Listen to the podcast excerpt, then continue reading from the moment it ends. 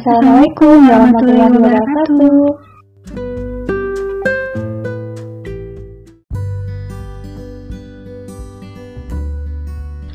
Hai guys, jumpa lagi di podcast Medistalk dalam program Bincang-Bincang Santuy bersama saya Sri Mariana Katili dari Departemen Kemuslimahan. Saya Serlani Kova dari Departemen Kominfo. Saya Sinta Pradita Katili dari Departemen Perekonomian. Dan saya Wiwit Dwi Prawijaya Nabila Putri dari Departemen Kesekretariatan.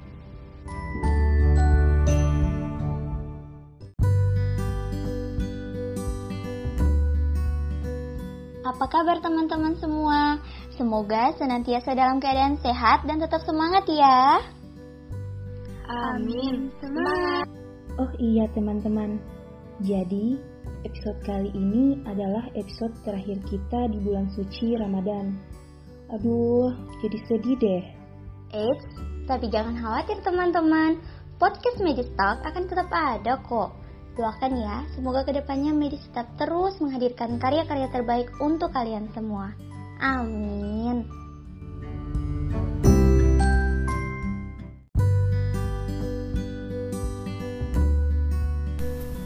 Baik teman-teman, jadi tema kita hari ini adalah cinta yang sering terabaikan. Wah, Nah, pasti teman-teman penasaran dong, cinta apa sih yang kita maksud? Hayo, apa coba? Yaps, jadi hari ini kita bakal bahas tentang salah satu bentuk cinta dari Allah, yaitu perintah melaksanakan sholat.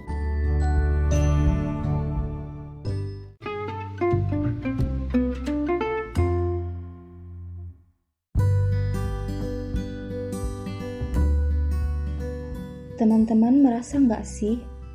Ternyata selama ini masih banyak di antara kita yang sering banget mengabaikan cinta dari Allah yang satu ini. Sering gak tepat waktu, bahkan sampai ketinggalan waktu. Nah, itulah kenapa di episode kali ini kita mau ngebahas tentang keajaiban sholat ditinjau dari perspektif medis. Oh iya teman-teman, tentunya kali ini kita tidak hanya berempat aja. Hari ini kita juga sedang bersama dengan Ketua Umum LDK Medis, Kak Fadila Narole. Meskipun hanya via phone ya teman-teman. Karena saat ini kita masih dalam masa physical distancing. Baik, kita sapa dulu ya. Assalamualaikum Kak. Waalaikumsalam warahmatullahi wabarakatuh. Kak Fadila, apa kabar? Alhamdulillah baik sehat. Luar biasa. Uh, Wiwit dan teman-teman apa kabar?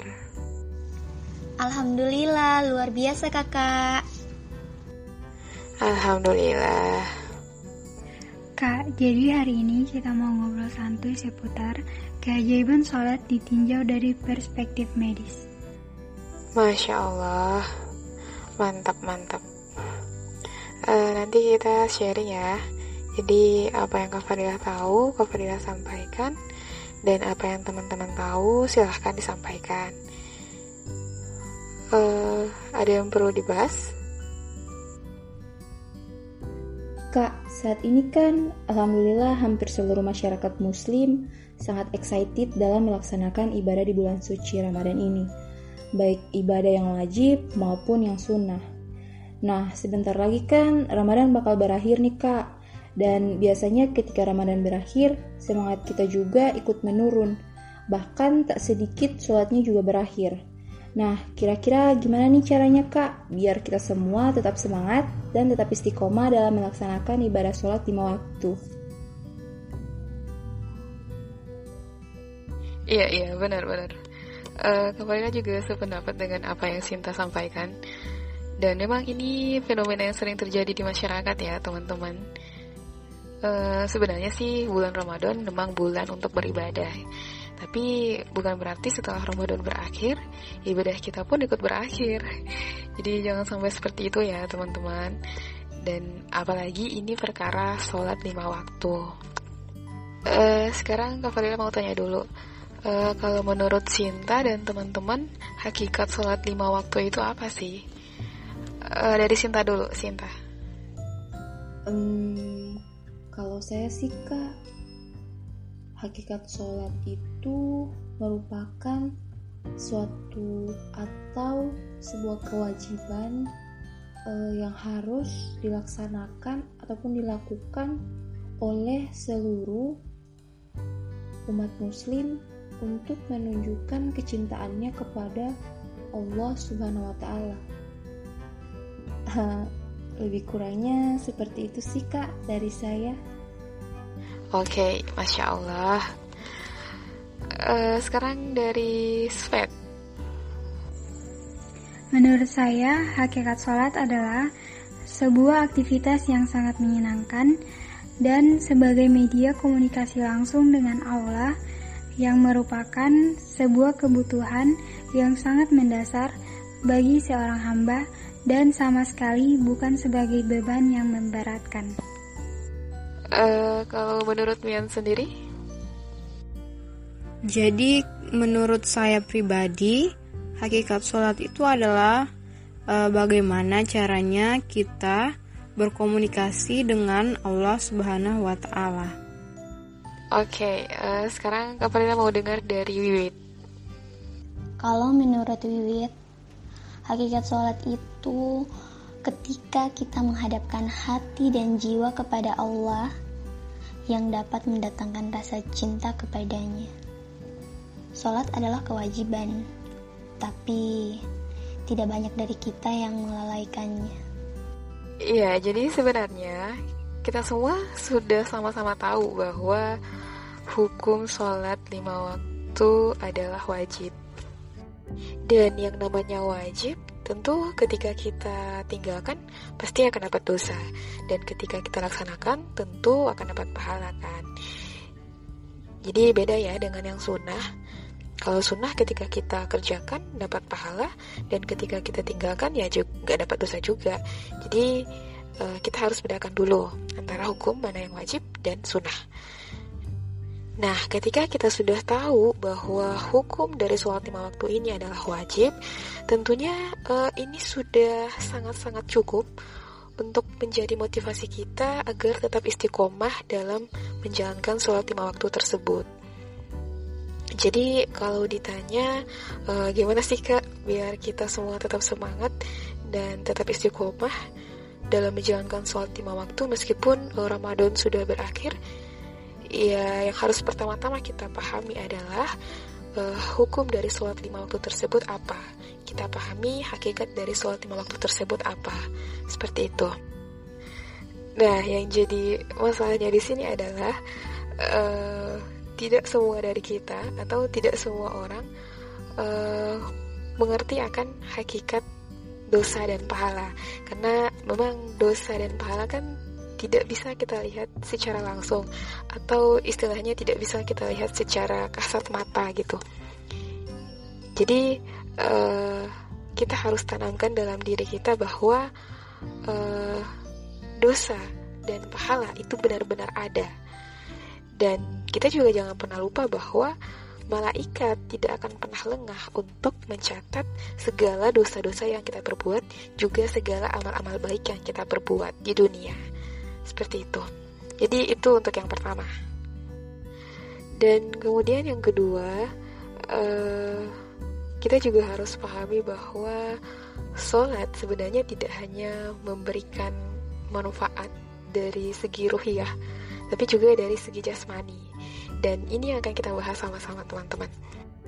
Karena kalau kata Bang Hawariun, uh, manusia itu memang oportunis gitu jadi uh, kita itu baru mau melakukan sesuatu ketika kita tahu bahwa sesuatu itu memberikan manfaat untuk kita atau memberikan keuntungan untuk kita. Jadi masya Allah ya teman-teman, karena uh, meskipun kita sering hitung-hitungan sama Allah gitu, tapi Allah masih sangat-sangat sangat-sangat besar kasihnya untuk kita masih sangat-sangat besar cintanya untuk kita dan salah satunya ya dengan memerintahkan kita untuk melaksanakan sholat seperti itu Oh iya kak, saya juga pernah dengar bahwa ternyata sholat punya banyak manfaat untuk kesehatan tubuh kita. Nah, ini mitos atau fakta ya kak? Fakta dong. Iya. Uh, berbicara tentang manfaat gerakan sholat ya pasti banyak sekali manfaatnya dan memang banyak dari kita yang belum tahu uh, manfaat sholat dari sisi medis gitu. Dan sebenarnya uh, sudah banyak sekali ilmuwan-ilmuwan yang meneliti tentang gerakan sholat ini, baik ilmuwan uh, lokal maupun ilmuwan internasional dan memang hasilnya adalah sholat ini punya uh, dampak positif atau punya manfaat yang baik untuk kesehatan tubuh kita. Bahkan uh, yang Kak pernah baca, uh, seorang peneliti asal New York juga pernah meneliti tentang gerakan sholat dan hasilnya menunjukkan bahwa sholat bisa menghilangkan stres fisik dan juga kecemasan. Dan tidak hanya itu teman-teman, bahkan uh, seorang Christine Nicole yang sebelumnya adalah seorang non-muslim, kemudian setelah mempelajari tentang gerakan sholat, akhirnya uh, dia memutuskan untuk uh, memeluk agama Islam. Jadi kalau ditanya apakah itu satu fakta, ya tentu fakta dong. Oh, seperti itu ya, Kak. Terus, Kak, dalam sholat kan terdiri dari beberapa macam gerakan nih. Nah, gerakan apa aja sih yang bermanfaat untuk tubuh kita?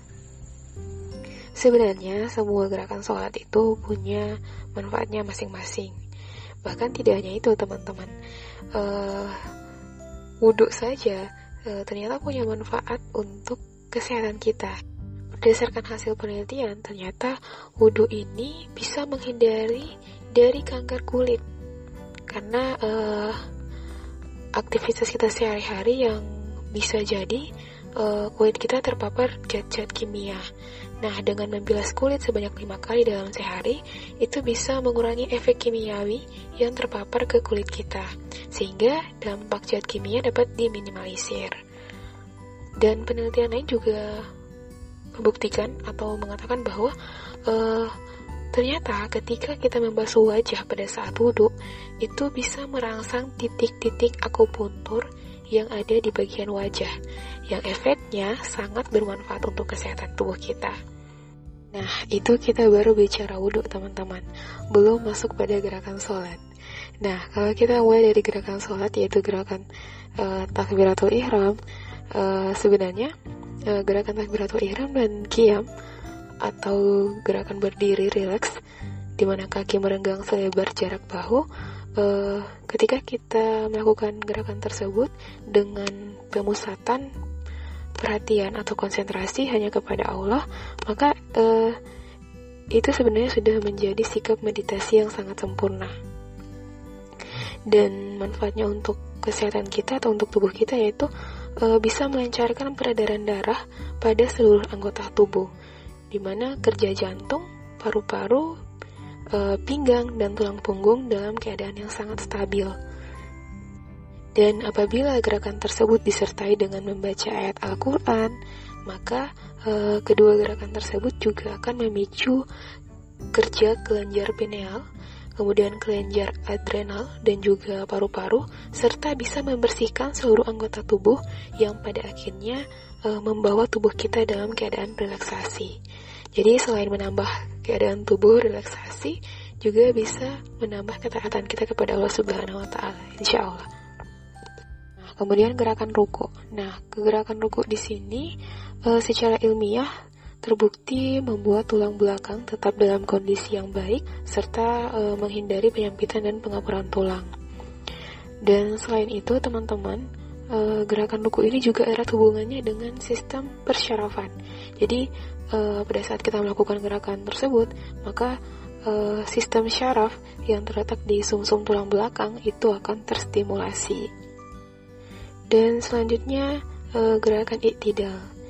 Jadi uh, gerakan bangkit dari posisi ruku ini apabila diikuti dengan mengeluarkan nafas uh, akan memperlancar aliran darah dari kaki menuju ke rongga perut dan akan diteruskan ke jantung. Sehingga e, rongga perut akan terisi darah yang banyak mengandung O2 yang pada akhirnya akan disebarkan ke seluruh tubuh. Nah, melakukan gerakan ini sebenarnya tidak membutuhkan ruang dan waktu yang khusus karena e, kita cukup hanya dengan melaksanakan gerakan sholat pada saat e, mengerjakan sholat lima waktu. Dan selanjutnya adalah gerakan sujud. Nah, jadi ketika kita melakukan gerakan sujud ini, maka e, aliran getah bening akan dipompa ke bagian leher dan ketiak.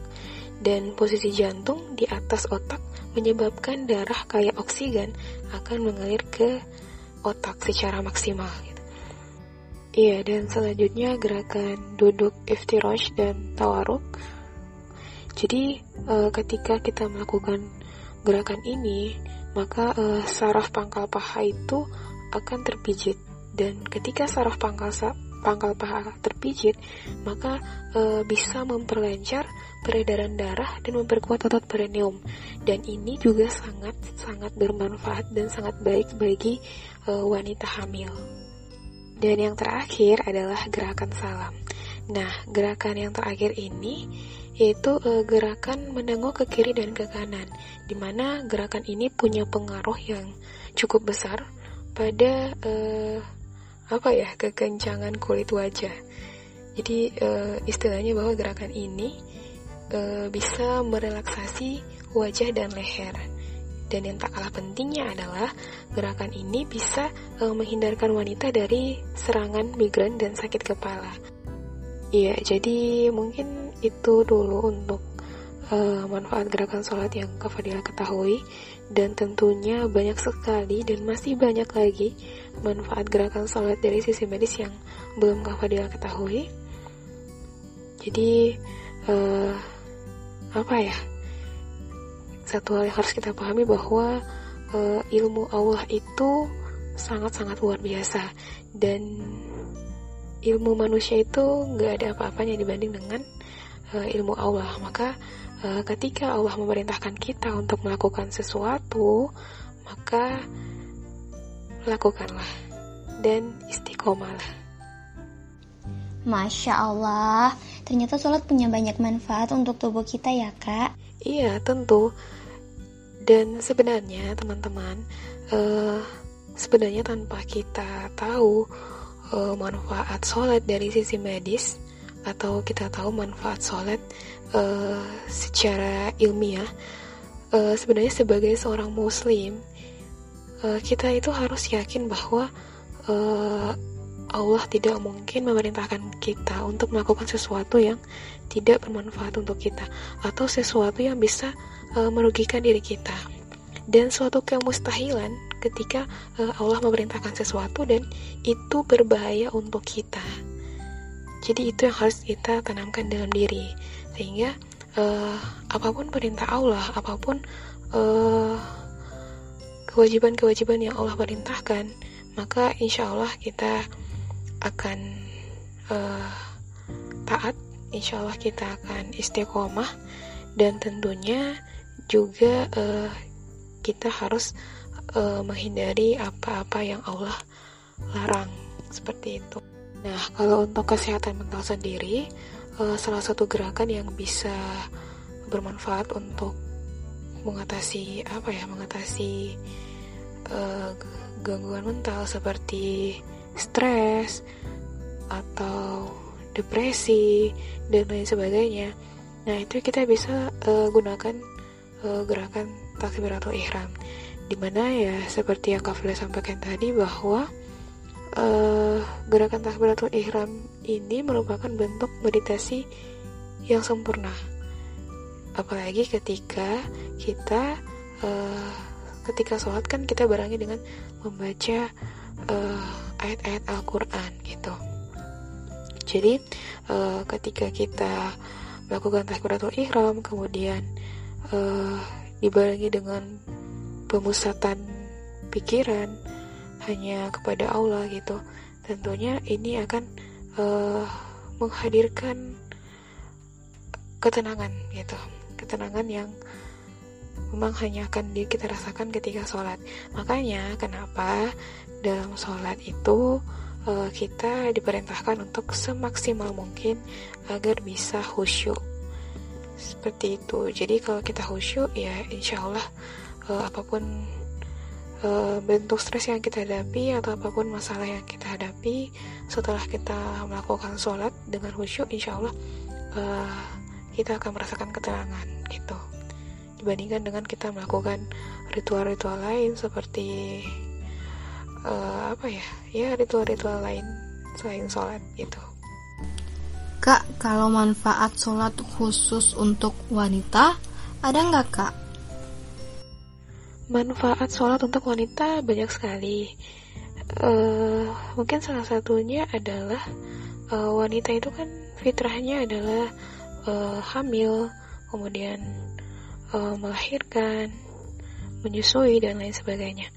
Nah, uh, manfaat sholat untuk ibu hamil itu sangat-sangat uh, luar biasa sekali teman-teman seperti yang Kak sudah sampaikan tadi bahwa memang ada beberapa gerakan yang bukan beberapa sih tapi uh, hampir semua gerakan yang memang uh, baik untuk ibu hamil.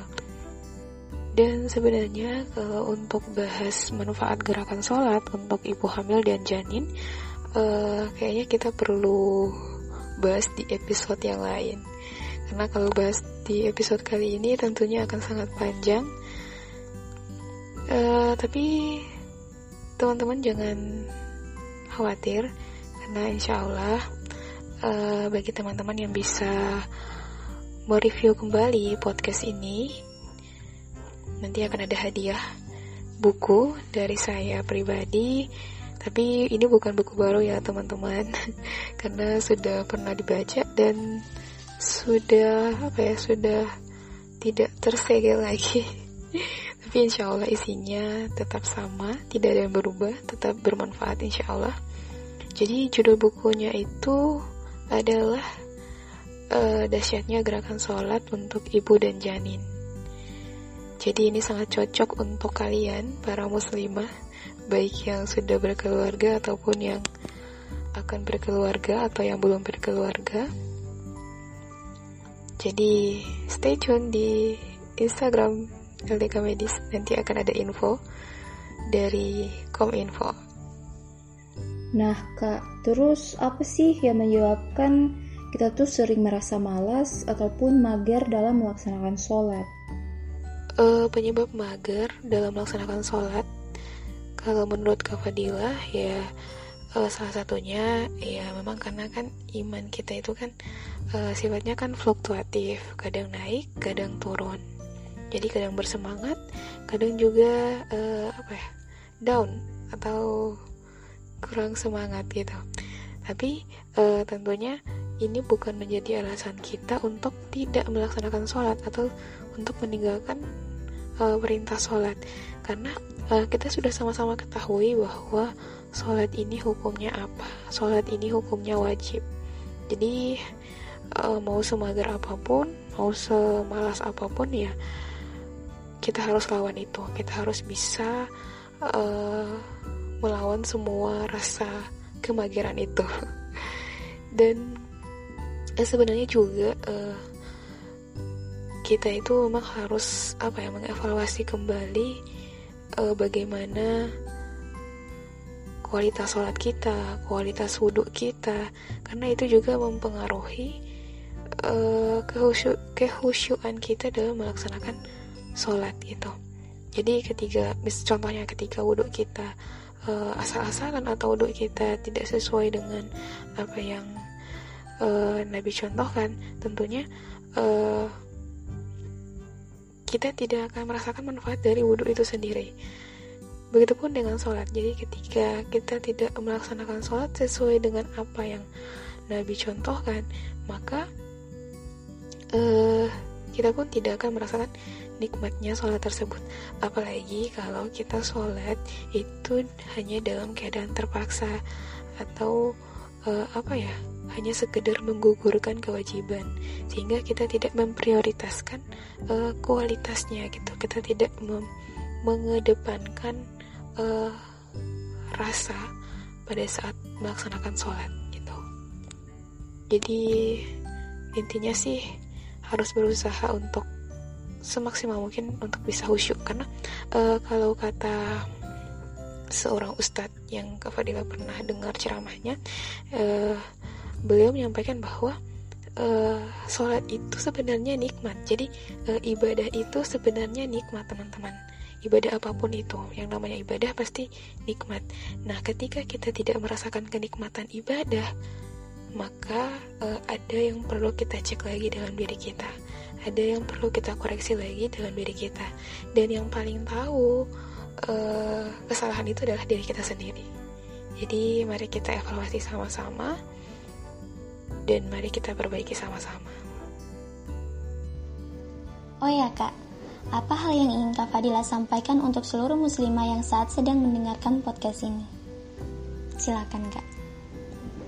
Pesan untuk seluruh muslimah yang mungkin mendengarkan podcast ini uh, sebenarnya ini pesan juga untuk diri sendiri. Jadi sama-sama mari sama-sama kita evaluasi uh, kuantitas dan kualitas dari sholat kita. Dan ayo sama-sama kita berjanji pada diri kita sendiri bahwa kita insya Allah akan lebih baik lagi dalam melaksanakan sholat ini dalam melaksanakan perintah sholat ini baik di bulan Ramadan maupun di bulan-bulan yang lainnya. Karena e, perintah wajib untuk melaksanakan sholat itu tidak hanya di bulan Ramadan tapi juga di bulan-bulan yang lainnya.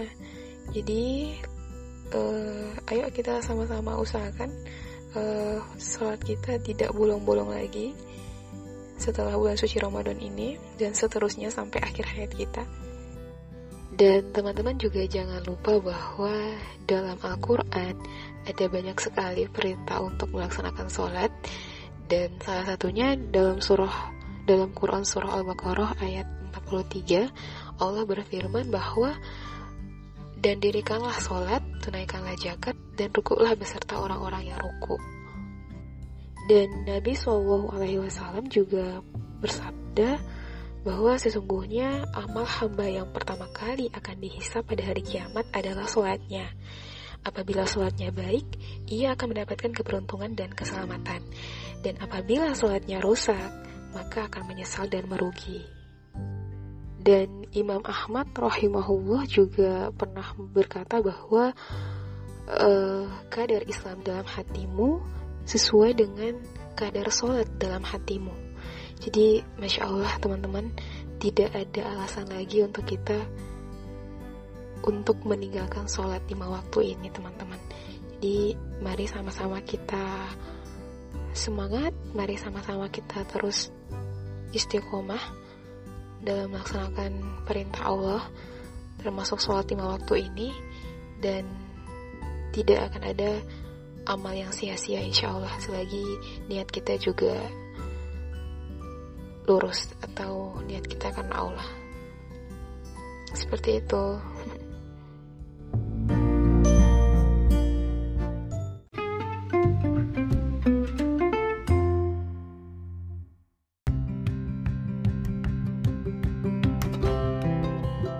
Baiklah, mungkin untuk episode kali ini sampai di sini dulu ya teman-teman. Sekali lagi terima kasih untuk Kak Fadila dan teman-teman semua yang sudah meluangkan waktu untuk sharing di sini.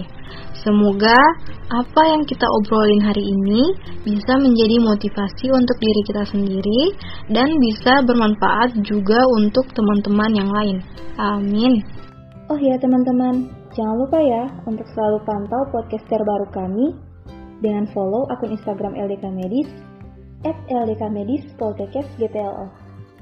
Dan teman-teman juga jangan lupa ya untuk selalu pantau Instagram LDK Medis karena akan ada info giveaway untuk episode kali ini.